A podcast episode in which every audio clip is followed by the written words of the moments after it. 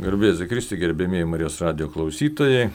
Šiandieną esame laidoje knygų lentynoje ir kartu su gerbiamu medicinos mokslų daktaru, gal tiesiog gerbiamas Julio pats prisistatysite tiksliau, su Juliumi Nerverausku, prašom jūsų rangai dabar, aš žinau, docentas kaip tenai. Labą dieną, rangu, aš manau, kad nėra būtina, aš esu gydytojas, psichoterapeutas ir psichoterapinių mokymų vadovas, tai aš kitus gydytojus ir kitus psichologus ruošiu, kad jie taptų psichoterapeutais. Tai va, o prie šito mikrofono aš kunigas Arnas Valkauskas mano sritis teologija. Tai dabar mes kartu norim pristatyti tokią naują knygą, kuri jau išleista yra, Katalikų pasaulio leidiniai išleido. Pavadinimas toks įdomus, kaip atleisti savo tėvams ir savo. Viršelis toks tamsokas, man tas viršelis teisybė pasakius nepatiko, bet tai čia dar nieko nesako apie turinį. Turinys patiko, tai jeigu taip grubiai išnekėti, tai Ir dabar pašnekėsime tada apie tas šio knygos, ne, ne tai, kad pačią sandarą, bet ką mes čia randame tame turinyje. Nes kaip atleisti savo tėvams ir savo, kai pasakai žmogui, kad tu turi kažkam atleisti, tai paprastai tas žmogus, kuris kreipiasi su kažkokiam problemam. Aš nežinau, kaip gerbiamam Juliui, bet kiek man teko susidurti, iš pradžių nustemba, kad štai aš turiu kažkam atleisti. Bet paskui, kai pradedi kalbėti apie susidariusią situaciją, apie gyvenimą, apie problemas, apie psichologinės problemas, apie dvasinės problemas, tai kažkoks atsiveria visai kitoks vaizdas. Tai dabar, prieš kalbant, taip jau smulkiau, man kodėl patiko ši knyga? Todėl, kad pasakysiu paprastai, kiek kiek įmanoma. Autorius, nežinau kaip iš ištarčia, Davidas Stopas turbūt, ar Stup, kaip čia angliškai tarėsi, tai Labai parašė, aš manyčiau, kad taip, parašė tokiais gana paprastais žodžiais, kiek įmanoma padaryti tai paprastai, bet labai svarbius dalykus. Ir iš tos pusės, sakysim, ir teologinės, ir tokios pastoracinės, nes mes savo, aš savo praktikų tenka tiesiog užsimti tokią vadinamą išgydymo arba išlaisvinimo maldą. Čia nėra egzorcizmas, bet yra tiesiog specialios maldos, kad žmogus galėtų susitaikyti ir būti su savimi. Taikoje. Tai Tokia praktika į Lietuvą atėjus maždaug, sakyčiau, prieš kokią 30 metų, 20 metų jau tas ir vyksta gana intensyviai. Kiti kunigai, kunigas Rugevičius užsijima, užsijima ten dar kažkas, tai yra tokių, aiškiai, praktikų. Kai tu tiesiog ieškai taikos su aplinkui tave esančiais žmonėmis. Ir štai šitas autorius tos praktikas, kas vyksta realiai, kas vykdoma, jisai surinko savo knygoje į vieną vietą, jas aš sakyčiau, susistemino, gražiai aprašė ir įvedė kažkokią tai sistemą ir dabar galima tuo naudotis, aišku, šiek tiek reikia įdėti darbo, pačiam su savimi įdėto darbo, daug ką peržvelg gyvenime, peržiūrėti ir tokiu būdu eiti laisvėjimo keliu. Tai čia tokia preambulė, kodėl, sakyčiau, kodėl man tikrai norėjosi šitą knygą, kai pasiūlė redakcija, Katalikų pasaulio redakcija pristatyti, kai pasiūlė tą knygą paskaityti Tai tikrai peržvelgus greituoju būdu, paskui tikrai labai įdėmė šią perskaičiu, man labai sužavėjo netgi. Aš sakyčiau, kad vos ne kiekvienas Lietuvos gyventojas turėtų paskaityti, panaudoti ir, ir savo pritaikyti ir tikrai tai duotų teigiamų vaisių. Tai. O dabar, e, ką gerbiamas Julius jau pasakys iš savo psichoterapinės tokios praktikos, tai paklausykime. Aš ir galvoju, kad apie tai reikėtų galvoti daugumai žmonių ir ypač tiems, kurie nori praktikuoti dvasingumą. Tai yra ieškoti susijungimo su kažkuo, kas yra daugiau negu jie patys. Ir ši knyga yra apie amžiną problemą, apie vaikų ir tėvų santykius. Tai būtų vienas jos aspektas, bet antras aspektas yra santykius su savo dalimis. Irgi. Tai jeigu mes kalbam apie atleidimą tėvams, tai yra paprasčiau truputį, bet kai mes kalbam apie atleidimą savo, tai yra jau sunkiau, nes tada mes aiškiai pripažįstam, kad mes turim mažiausiai dvi dalis. Viena dalis, kuri darė kažkokią tai skriaudą ir kita dalis, kuri nori atleisti. Tai gal pradžiai mes galim koncentruoti dėmesį į santykius su savo tėvais. Ir čia amžina problema yra tai, kad daugelis vaikų tame santykėje jaučiasi, kad jie patyrė skriaudą. Kad jų mama ir tėtis buvo netobuli, kad jie augindami kažką tai pražiūrėjo, gal nepakankamai mylėjo, gal per daug baudė, gal neteisingi buvo. Ir tada vaikai jaučia nuoskaudą. Ir jeigu nuoskauda didėja, tai gali peraukti į tam tikros aukos sindromą. Ir tas suaugęs žmogus, kuris nėra atleidęs savo šeimai ir savo tėvams, jisai, galima sakyti, yra nepilnai funkcionuojantis, nes jisai neša savo gyvenimo naštą kartu su savim ir blogiausia, kad labai dažnai jis perduoda šitą naštą savo vaikams. Bet čia iš tokio, sakyčiau, reiktų pažiūrėti, kaip, kaip paprastai būna, ne praktiškai. Ar pas jūs kreipiasi žmonės, jie ateina tada, kai yra negerai. Kažkas taip, negerai. Taip. Nefunkcionuoja gyvenimas, kaip taip galima būtų pasakyti, nerimas, panika. Iš vis kartais psichosomatika būna neaiški. Su panašiais dalykais ateina ir į išgydymo pamadą. Žmogus sako, nežinau, kas man darosi, nežinau, kas čia su manim yra, ar ten nemiegu, ar ten šiaip kažkoks irzlumas.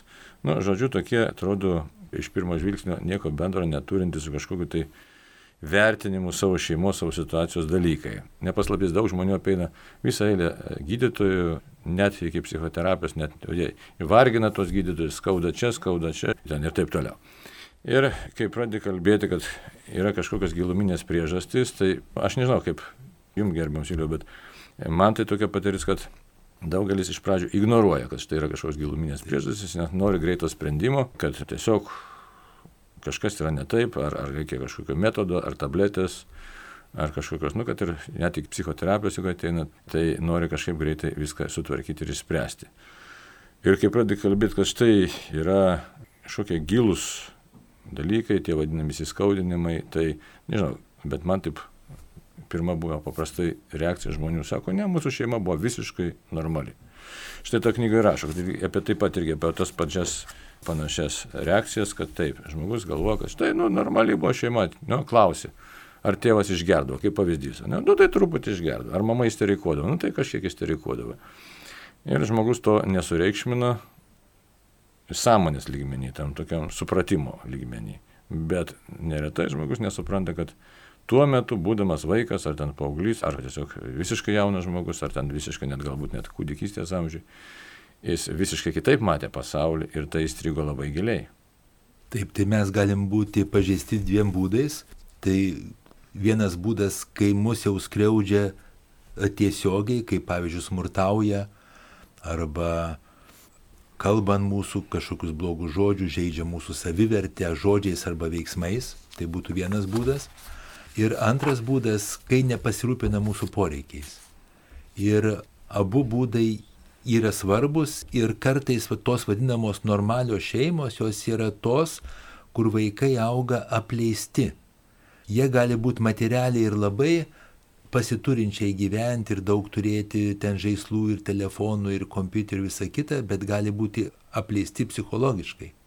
O vaiko labai svarbus e, poreikis yra, kad vaikai jaustų iš savo tėčio ir mamos besąlygišką meilę, besąlygišką prieimimą, kuris reikštųsi buvimu kartu, dėmesio kreipimu į vaiko poreikius, išklausimu, tų poreikių validizavimu, tai mes turim pripažinti, kad vaikas turi teisę šitos poreikius turėti reikšti.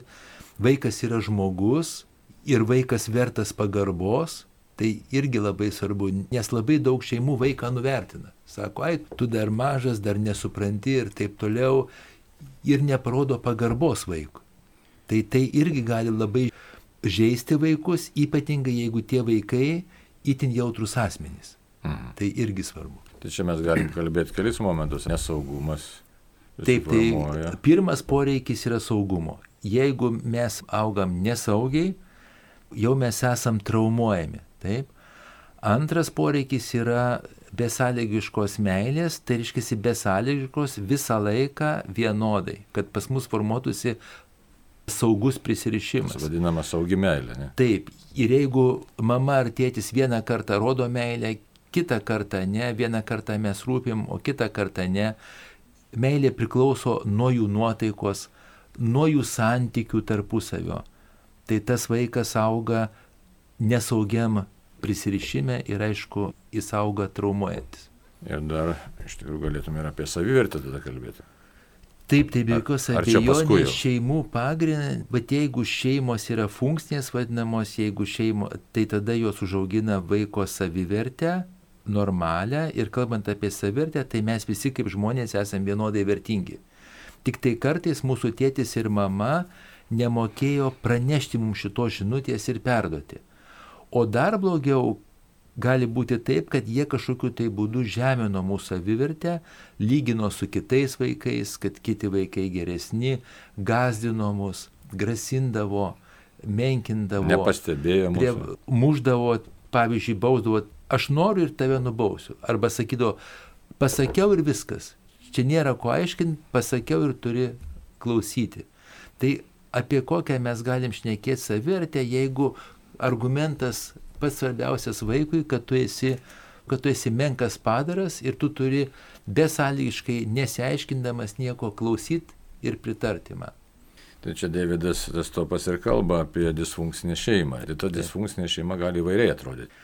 Taip, tai jos labai įvairios ir kartais mes tik tai galvojam, kad jos būtinai ten turi būti smurtas, alkoholizmas arba dar, bet disfunkcinės šeimos gali būti ir materialiai pasiturinčios, bet kai, pavyzdžiui, iš vaiko siekiama tik tai rezultatų, nekreipiam dėmesio į vaiko asmenybę, į jo polinkius, į jo norus ir taip toliau, bet norima, kad jis ten gerai mokytųsi ir klausytų.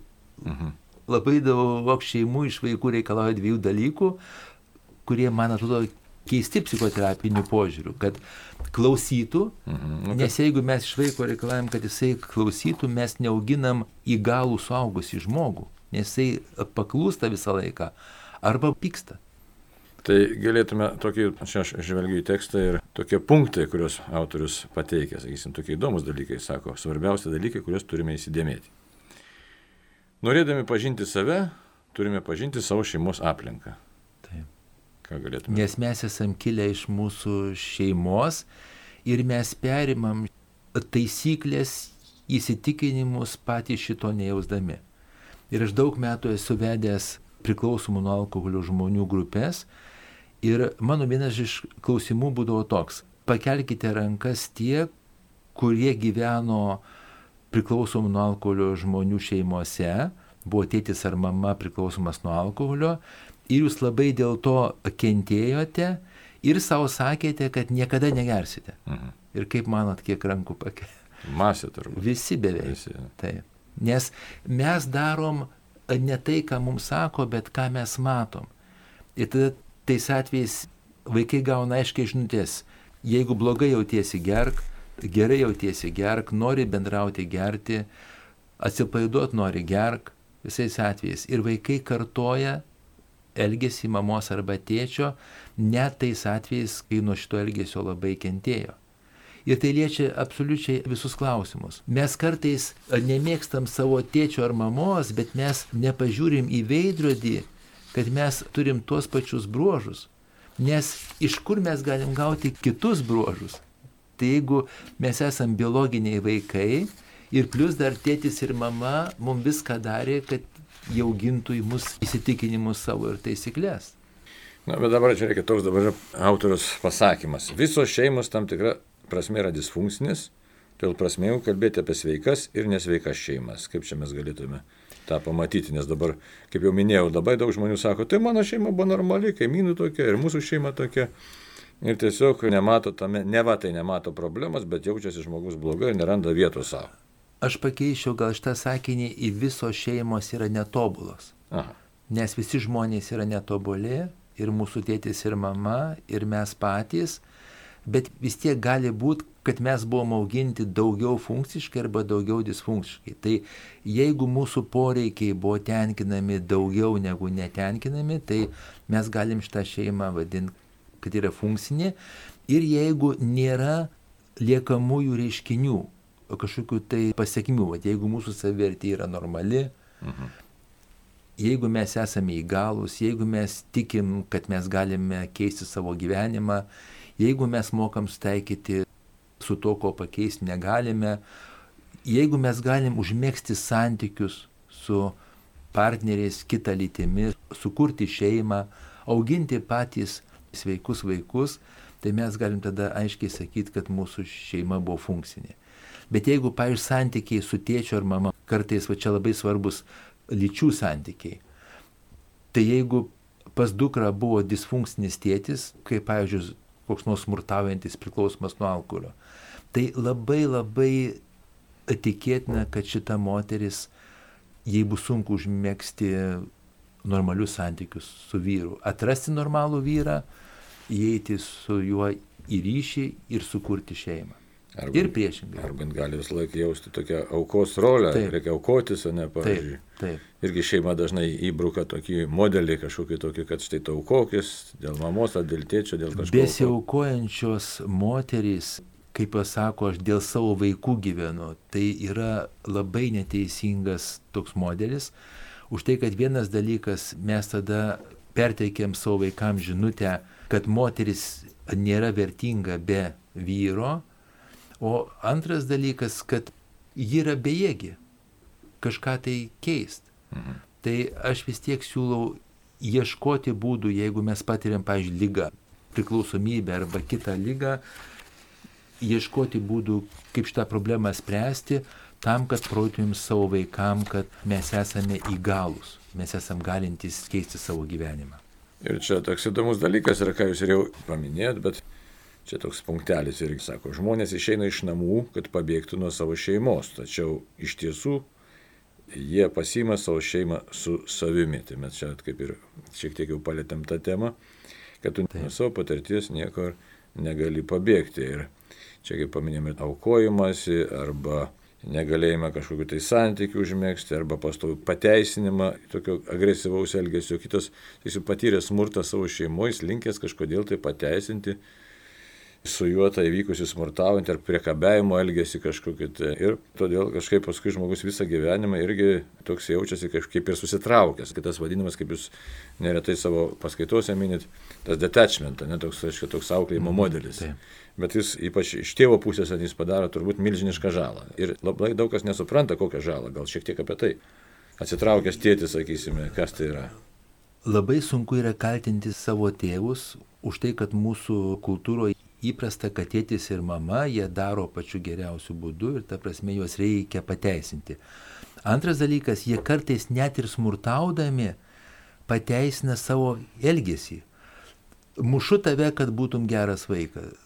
Už vieną muštą dešimt nemuštų duoda. Taip, yra šito, no. šitokie, tokie dalykai.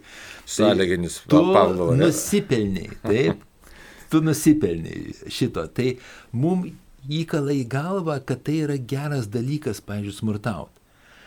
Ir kultūroje yra, nu, nemandagu kažką tai pasakyti ant savo mamos ir tėčio. Tai ką aš siūlau, atkalbant apie santykius su mama ir tėčiu, tai pradžiai aš siūlau įsisamoninti tai, kas vyko, įsamoninti. Neutraliu būdu. Tik tai faktai. Taip, tik tai faktai, kas vyko, ir paskui pripažinti, kaip mes jautėmės šitoj vietoj, kaip mes jautėmės. Sekantis žingsnis pripažinti savo jausmus ir emocijas, gal mes šiuo metu pykstam, arba gal mes liūdėm dėl to, kad tai buvo, ar gal mes jaučiam nerimą, gal mes jaučiam nusivylimą. Pripažinti ir paskui nagrinėti tai ir tyrinėti ir prieiti galbūt išvados, kad visai gali būti verta atleisti Nes tėvai mūsų, jie buvo netobuli dėl to, kad pas juos irgi buvo tėvai. Jie irgi yra palikonis kažkokiu tai tėvų ir jeigu mes panagrysim savo šeimą, labai galim pamatyti disfunkciją einančią iš kartos į kartą. Ir tada mes ėmam, kad pas mus buvo šita praeitis, bet aš dabar noriu savo susikurti dabartį ir ateitį. Ir aš noriu tarsi nukabinti šitą grandinę, taip, ir atleidžiu visų pirma dėl to, kad aš galėčiau gyventi pat savo gyvenimą. Jo, bet paprastai susidurėm su tokia reakcija, su keliariopą reakcija. Vieni sako, nieko tokio nebuvo, kaip jau minėjau, mhm. Žinai, čia aš turiu kažkokiu tai problemų, asmeninių, tėvai mano tokie kokie buvo ir nenoriu į tą gilintis. Tai viena būna paprastai tokia situacija ar tokia laikysena ir aš taip tame išvelgiu ką, tokia savotiška gynybiškumą tame. Kad štai tiek yra skaudu kažkas tai, kad žmogus nenoriu ten į tą praeitį grįžti. Paprastai tai būna. Būna taip, kad kiti žmonės sako, aš čia irgi gynybinė tokia reakcija, kad aš nenoriu kaltinti savo tėvų, ką dabar aš užsimsiu kažkokiu tai kaltinimu, nes tiesiog gal ten jau kas, kažkas ir miręs, ar ten silpni, seni tie tėvai. Tai čia dabar kažkaip neva tai nemoraliai aš pasielgsiu, kad juos bandysiu kažkaip tai kaltinti ir vertinti. Tai yra taip, kad nenoriu vertinti. Kita dar būna tokia laikysena. Ai, žinai, sako, aš viską jiems atleidau, viską, viską atleidau, bet kiek pastebėjimas kiek autorius čia fiksuoja šitą labai tokį žvilgsnį mūsų tokį, kad šitoje vietoje yra neteisinga ir nesažininga, nes viską tai reiškia nieko, ne? Mhm. Nes jeigu tu nesupranti savo istorijos, tai čia dar vieną punktelę norėčiau priminti autoriaus tokį. Na, nu, čia kalbėjom šiek tiek, reiškia, apie tą, kad šeima savo pasiimi, bet tas viską tau atleido, tai tiesiog nematyti savo šeimos istorijos, kuri ką padaro. Padaro tokį įdomų dalyką kad tu ir toliau tęsi tą savo šeimos istoriją, tą bagažą velkiesi su savimi, kitaip tariant, ką jūs pradėt kalbėti, kad neišeini tą tikrąją laisvę. Nes tiesiog nesi įvertinis, nes čia dar jūsų, na, tiesiog kaip psichoterapeutų norėčiau paklausti, tai mes čia kalbame kokį lygmenį, emocinį ar protinį labiau, ar čia, ar čia viskas susiję? Viskas susiję, bet mums šiuo atveju daug, daug svarbiau jausmai ir emocijos. Ir protas gali būti įrankis keisti savo jausmus ir emocijas. Bet jūs prieš tai klausėte apie atsitraukusį tėtį. Kai mes turime atsitraukusį tėtį, tai tada mes aiškiai gaunam žinutę, kad mes esam nereikšmingi ir mes esam nevertingi. Ir kartais jau paauglystėje mes gaunam žinutę, kad tėtis yra nepajėgus susitvarkyti su realybė ir dėl to jis atsitraukia. Tai kai mes atsitraukiam nuo savo santykio nagrinėjimo su savo šeima, mes elgimės taip pat, kaip atsitraukęs tėtis atsitraukia nuo savo vaiko. Tie jausmai, jie niekur nepradingsta. Ir jeigu mes tarsi nesuprantam, kad ten kažką tai jaučiam, nenorime tai gilintis, arba sakom taip apibendrintai banaliai, kad mes viską atleidom, o iš tikrųjų ne, Tai visas pasiekmes mes ir valgom ir jas nešiojamės. Tai gal šitą vietą vertų apie tą atsitraukusią tėtį, kaip čia kaip pavyzdys, čia vienas, mm -hmm. čia labai Taip. gali būti mama, ne, ten Taip, kitokia. Bet kas jau. Gali būti mama atsitraukus, mama žiauri, gali būti. Mama dar blogiau. Reikšli gali būti, ne labai čia, čia tokie modeliai. Bet čia reiktų galbūt tiesiog išryškinti, ką reikėtų suprasti kaip pavyzdys, kokias pasiekmes, sakysim, to tokio elgesio, nes čia labai paplitę, tarp kitko Lietuvoje tas atsitraukęs tėtis labai paplitęs, taip. bent mano pastebėjimas. Taip, taip. Dabar mama Lietuvoje paprastai paplitus, kad labai reikli viską sprendžianti ir kuri yra tas asmo, kuris, aišku, labai daug klausimų šeimoje sprendžia, kuris diriguoja šeimą, nukreipia, tačiau neretai yra perfekcionistai, kuri uždeda labai didelį jungą savo vaikams kartais nepakeliamą jungą. Ir dabar, jeigu taip, nu, aišku, visko mes šiandien išsemsi, bet šiek tiek pasižiūrėti kas gaunasi, arba tiksliau, ką patiria žmogus, nes jeigu emocijos, tai emocijos įsitvirtina kaip, kaip gyvenimo patirtis iš tikrųjų. Mhm. Emocijos yra mūsų smegenų būsenos. Tai. Ir mes niekaip negalim jų taip valdyti visiškai valios pastangom, jos tiesiog būna. Ir jeigu mes vaikystėje buvome traumuoti ir ypatingai daug kartų, tai galime mes pastebėti, kad kartais, kai kyla mums koks nors iššūkis, mes vėl periname tą vaikišką režimą kaip, pavyzdžiui, pažeisto vaiko režimą. Ir tada pradėm jausis, lyg tai tie vaikai esame. Tai mes tiesiog sprendžiam savo, suaugęs žmogus sprendžia savo problemas, bet Taip. vaikiškų režimų? Taip, ir būnant vaikiškų režimų labai sunku spręsti problemas. Hmm. Tai jeigu mes pereinam į vaikišką režimą, mes turim mokytis pasirūpinti savo vidiniu vaiku arba savo vaikišku režimu. Tai būtent ir apie tą įsivardinimą tikrų problemų, tai aš dar norėčiau apie to atsitraukti, kaip pavyzdys, bet taip, man tai, tas atsitraukęs tėtis, sakysim, ką jis išprovokuoja vaikė, ką jis, iškai, nepasitikėjimą, kad galima problemas išspręsti, nepasitikėjimą tėvo asmenio, įsivaizduoju, kas, koks yra giluminis dalykas. Yra. Nes kaip išeinam, jeigu tėvas nesprendžia mano problemų, daugiau į jį kreiptis neverta. Taip. Tai, Taip reiškia, jis yra nepajėgus ir aš nepajėgus. Tai va tas būti... Ta izolacija tėtis, tai būtent jisai transliuoja tą, kad gyvenimo problemos yra desnės negu mes ir mes esame bejėgiai iš toje vietoje. Ir ką tada daryti tam vaikui? Tai, tai jis įeina tokį aukos režimą, tai jis vėlgi gali eiti į priklausomybę, gali eiti į kur tik tai nori. Ir tada labai sunku šnekėti apie tai, kad tas vaikas realizuos potencialą savo. Jisai kažkaip tai gyvens, bet jisai gyvens nepilnu režimu. Tai va tą mes matom psichoterapijoje.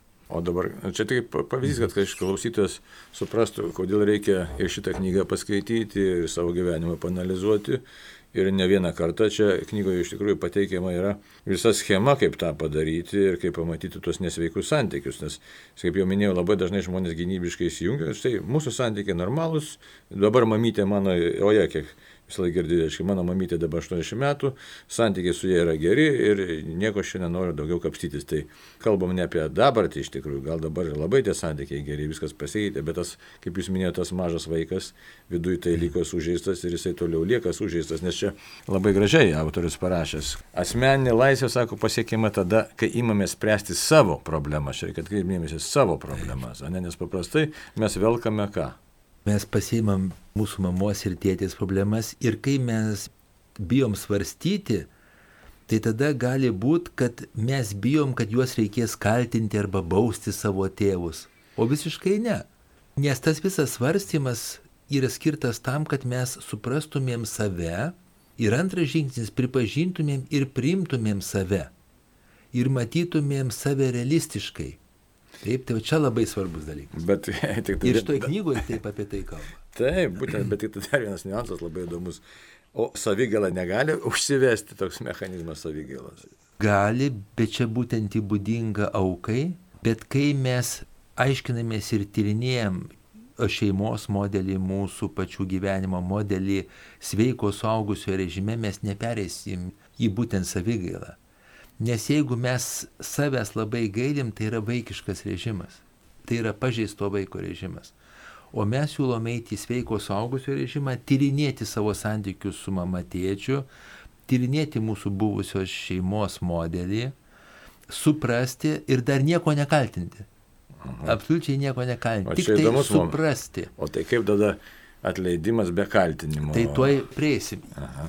Ir kai mes jau žinom, kas tenais buvo, tai tada būtų e, labai šaunu panagrinėti mūsų tėvų šeimas. Tėtis, mama, kodėl jis tapo toks iš savo tėčio ir mamos. Ir suprasti savo šeimos ir giminės medį. Šiek tiek. Ir tada mes galim vėl atsigręžti į savo jausmus ir savo emocijas, kaip mes jautėmės tuo metu, kaip mes jaučiamės dabar. Ir jeigu mes jaučiamės nuskriausti, mes jaučiamės nusivylę, mes jaučiamės e, traumuoti, mes galim tada apsispręsti padėti savo, bet padėti savo mes galim tik tai išsivadavę nuo tos naštos. Ja priemė ir suvokę ir paleidę, o tai reiškia atleidę savotiškai savo tėvams. Tai visai nereiškia, kad mes pamiršę kad mes nuvertinę tai, kas vyko, ne. Atleisti tai yra aktyvus veiksmas tam, kad nusimesti naštą, kad nusimesti grandinės. Tai yra atleidžiu, jie kaip mokėjo, taip darė, nes tada, jeigu aš netleisiu, čia galima rinktis, čia tik tai du pasirinkimai yra. Arba atleidžiu, arba netleidžiu. Mhm. Nes jeigu aš net leidžiu, tai reiškia, aš visą laiką esu tam santyki su tamsiosiomis mamos ir tėčio pusėmis. O šiaip tai galim pasakyti taip, kad jeigu mes išgyvenom ir likom gyvi, tai tėvai vis tiek mūsų buvo daugiau geri negu negeri. Nes būna, kur užmuša savo vaikus. Ar palieka. Bet būna šito dalyko. Ar, ar palieka. Ir dar kiek būna, jeigu taip žiūrėt. Čia kelis tik momentus norėčiau pastebėti. Vienas dalykas, kad į psichoterapijos žmogus, kad ateitų, nu dabar jau kažkaip populiariau. Dabar eina jau.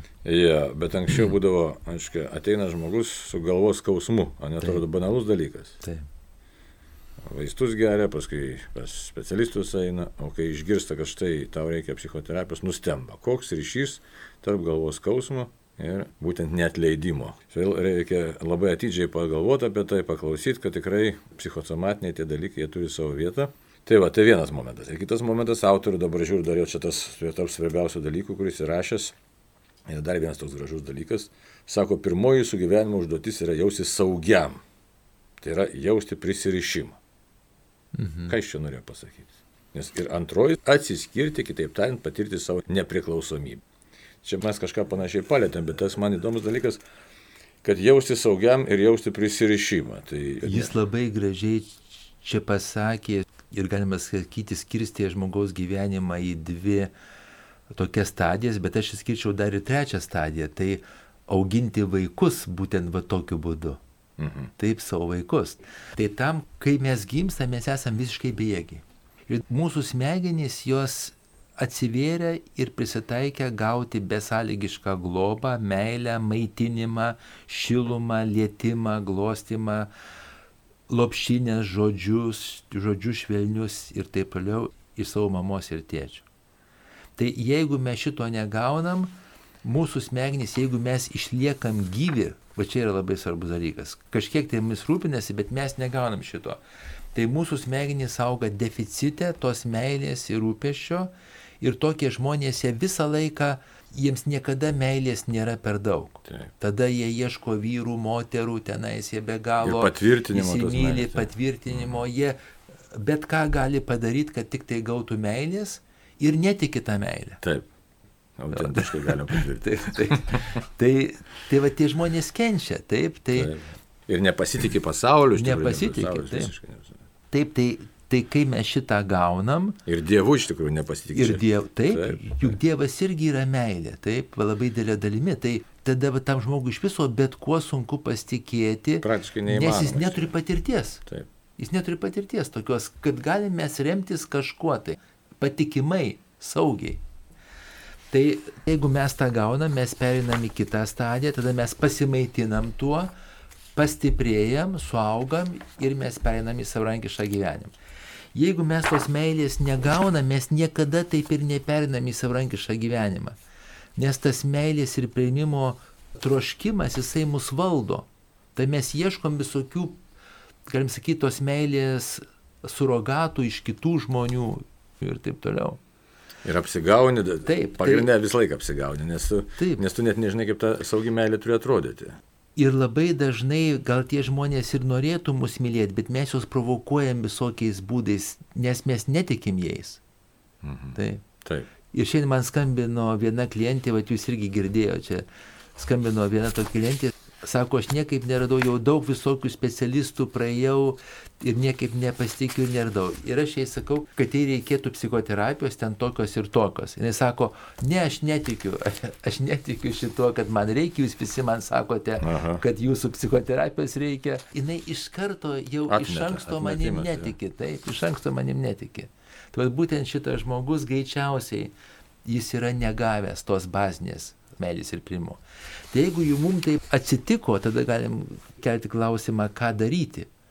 Tai tada, jeigu taip atsitiko, du būdai yra. Taip, tai išmokti mylėti iš savo sveikos suaugusio dalies, mylėti save, o antra pasikliauti Dievu.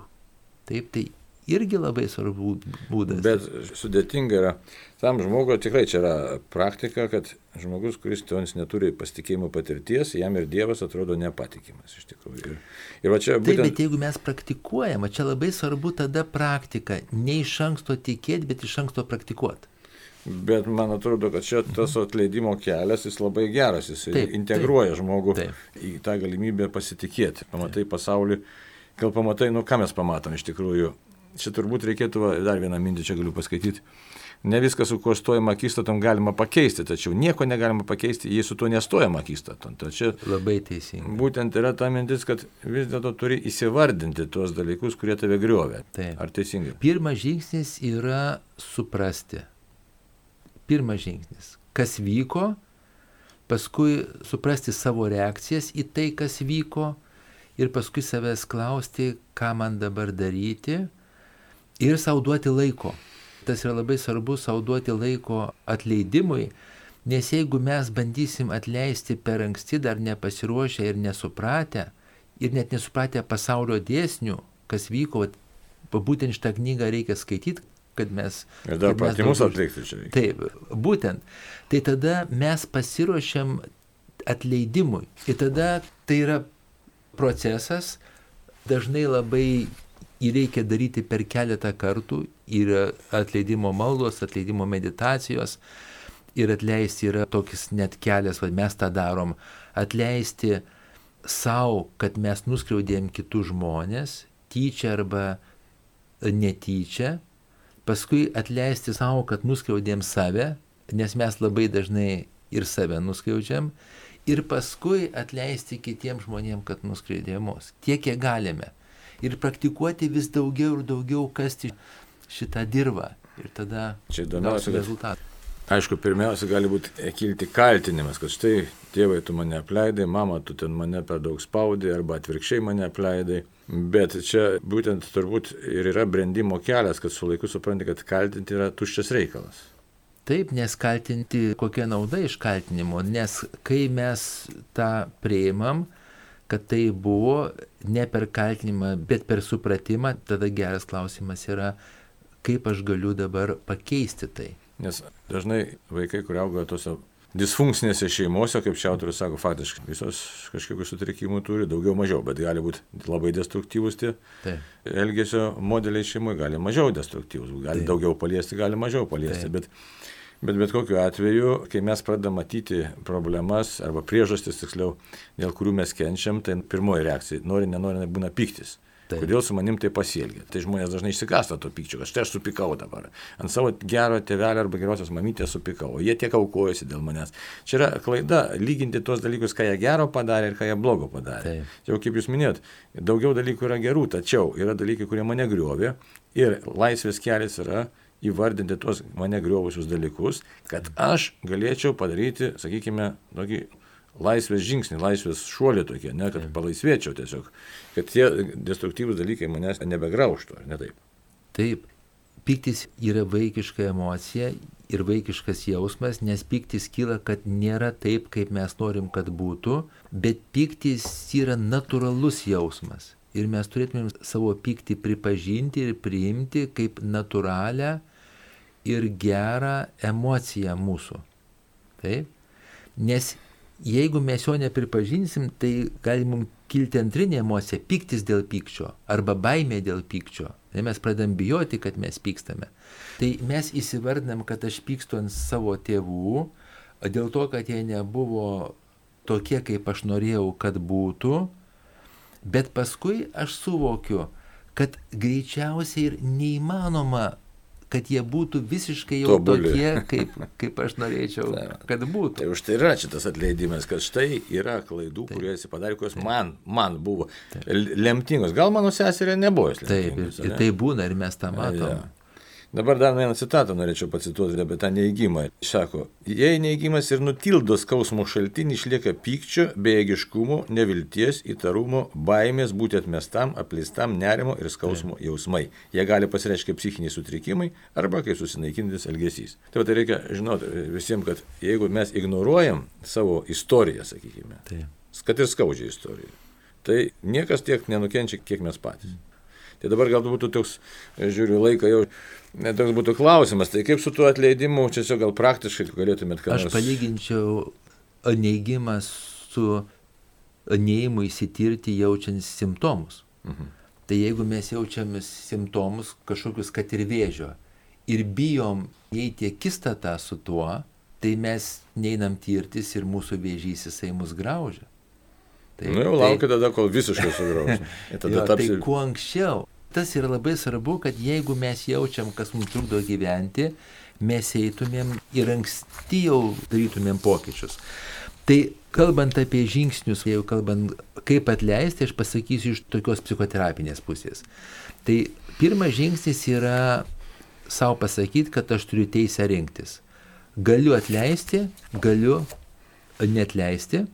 Abiem atvejais bus pasiekmes ir galiu atleisti, kai būsiu pasiruošęs.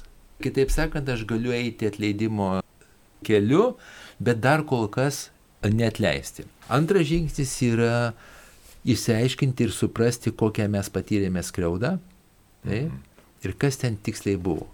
Trečias žingsnis - išsiaiškinti, kokią įtaką padarė šitą skriaudą mums ir pasiruošti savo jausmus priimti, pripažinti juos, apgalvoti, įsisamoninti viską, kaip ten buvo ir dėl ko, koks ten mechanizmas buvo.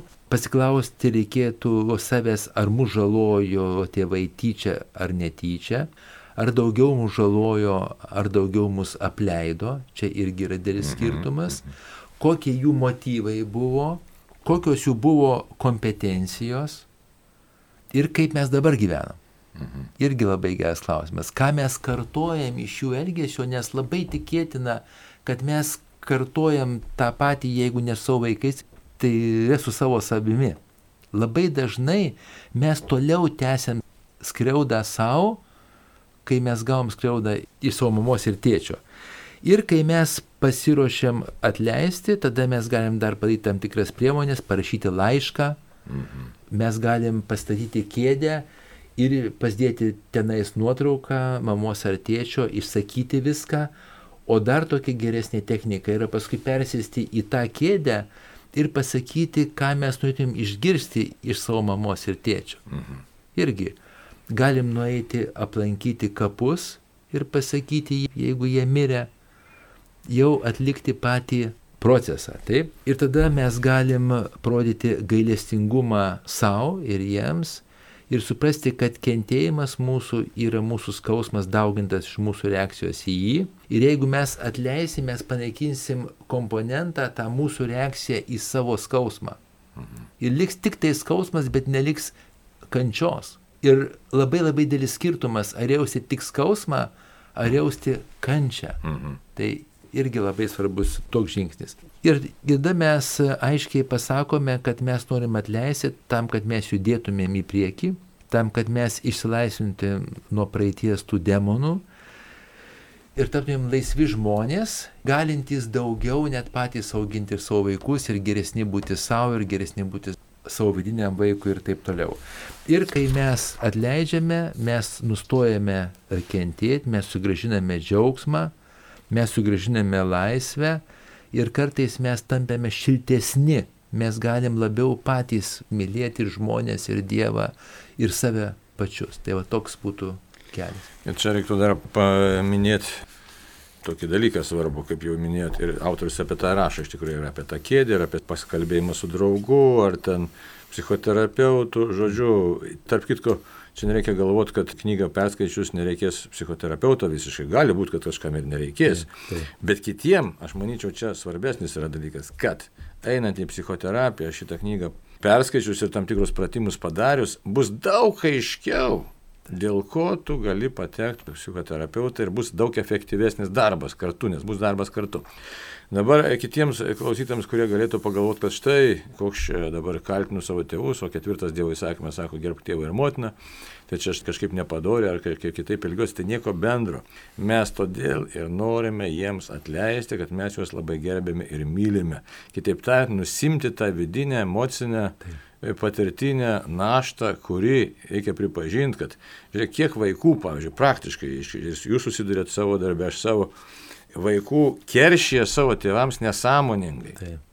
Verčia pirkti daiktus, isterikuoja ir taip toliau. O iš tikrųjų tai yra didžiulis meilės deficitas, Taip. meilės trūkumas ir dėl to tie vaikai keršia. Tai jeigu mes pasikapstytume geriai savo širdį, mes irgi atrastume tokį savotišką, net užslėptą neapykantos pojūtį savo tėvams už kažką. Tai ir kol tu neįsivardinai, o įvardinimas, pripažinkim, suteikia laisvę. Taip. Tai va, tai dabar noriu dar vieną citatėlę tokią paskaityti ką sako autorius. Jei atleidome, nebesame aukos ar tiesiog išlikusiai, mes esame nugalėtojai.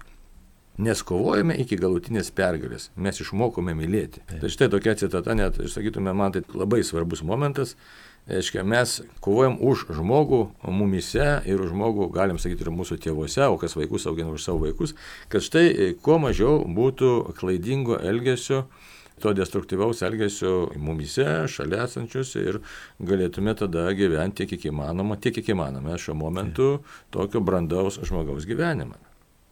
Tai jeigu mes norim gerbti ir mylėti, tai mums tada reikia atleisti. Nes labai sunku gerbti ir mylėti netleidus. Mes laikysimės Dievo įsakymų tada. Taip. Tai va, tai brangiai, dabar dar čia, sakysim, dar autorius toks gražus pasakymas, atleidimas yra meilės išraiška galime atleisti net ir tada, kai kitos mens nebėra gyvo. Tai. Ir aišku, savo patiems atleisti, nes irgi daug pridarėm klaidų Ir jeigu save, gal, gal gerbamas Julius dar pasakys, jeigu mes save pjausim toliau likusį gyvenimą už savo kažkokias, galbūt ir nebetitaisomas klaidas, kaip tai čia? Negyvensim. Gyvensim blogai. Ir nekursim gėrio. Aš siūlau mokytis iš klaidų, kompensuoti jas savo gerais darbais. Aš taip siūlau. Ir gyventi ir kurti gėrį, ir kurti grožį, tiesą, tiek, kiek galim iki pačios mirties. Tai ką, kalbėjom apie knygą, kaip atleisti savo tėvams ir savo, kuri moko mus atleidimo kelio, kad galėtume gyventi laisvėje. Kokioje laisvėje? Emociniai laisvėje. Ne tik emociniai. Visokioj. Visokioj. Visokioj. Ir savo minčių, ir savo jausmų, emocijų, ir savo kūno laisvė, ir savo elgesio laisvė. Taip. Taip. Taigi Davidas Topas parašė ją, aš siūlyčiau skaityti, analizuoti, atlikti pratimus ten surašytus ir eiti laisvės keliu, Gyventi. gyventi. Ačiū gerbiamas Juliu. Ačiū Jums. Sudė. Sudė.